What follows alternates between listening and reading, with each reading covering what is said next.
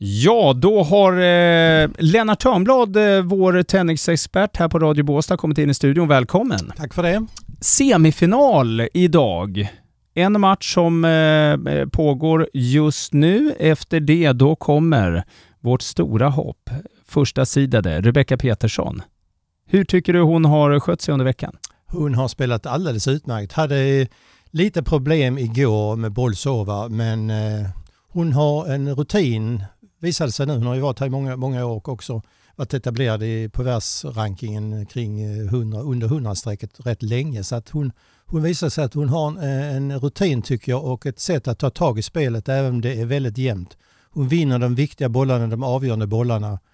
Och eh, det jag har sett nu det är ju att hon har ju vunnit till exempel mot eh, spanjorskan Arbuena väldigt enkelt 6-1, 6-1 som är en, en dyk, väldigt duktig grusspelare.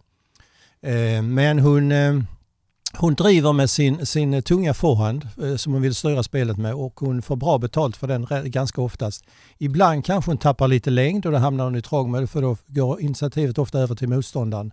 Men eh, eh har hon igång sin forehand så kan jag inte se något annat att hon ska kunna vinna även eh, dagens semifinal här mot Govortsova som är en tjej från, Vitrys från Belarus kan jag säga, som eh, eh, kanske har sin bästa tid bakom sig. Varit i Båstad ett par gånger, nått andra rundan här 2015 tror jag det var. Men annars i år inte gjort några stora resultat. Eh, så att eh, jag håller, eh, jag håller Rebecca som absolut favorit idag. När man tittar på sidningen så är det ju faktiskt bara Rebecca och Olga kvar eh, som är sidade i, i... De andra har åkt ut. Ja, det är, det är bäddat för, för Rebecca egentligen som är första sida så att hon har ju egentligen inte så mycket motstånd att frukta eh, från eh, de andra två semifinalisterna, om nu, vem, vem det nu blir. Men man vet ju aldrig, ibland får ju någon till en riktigt lyckoträff även om man är kanske ganska så lågt rankad. Så att eh, osvårt är bäst, men det är bäddat för Rebecka att kunna ta sin första titel här i Båstad. Ja, vad kul. Först och främst håller vi verkligen tummarna för att hon går till finalen, för då blir det ju väldigt extra när eh, det alltid är någon svensk i final.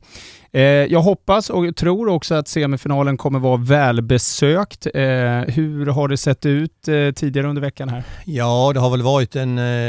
Nu med de begränsningar som råder så är det ju ganska så glest på läktarna, men de som sitter där är ju intresserade och de applåderar och Rebecka sa ibland igår att hon känner stödet av den svenska publiken. Det är kul att spela på hemmaplan. Det, det är ju bara en gång om året eller möjligtvis ett par gånger om året. Så att, det, det, det, det, hon har nytta av det stödet även om inte det är så massivt från läktarhåll. Vad har Rebecka själv sagt om veckan eh, i presskonferenser och så? Ja, hon är väl ganska nöjd med sitt spel. Hon har inga problem, inga skador så som, som stör henne. Hade ju lite problem i första rundan, gick till tiebreak där som hon låg under men vände och vann. Eh, så att eh, eh, jag tror att hon, är, hon, hon säger att hon är ganska nöjd med sitt spel och eh, hon trivs ju bra på gruset här och eh, kan hon som sagt bara hålla längd. Hon är, hon är väldigt beroende av att ha, ha igång sina fötter för hon vill ju gå runt och slå forehand även från backhandsidan när hon så hinner med det.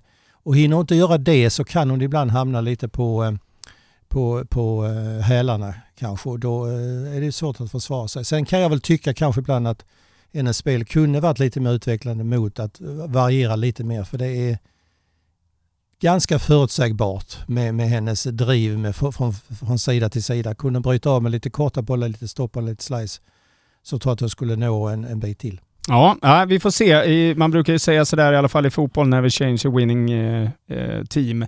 Eh, och att det, är väl samma sak kanske med taktik. Vad vet jag?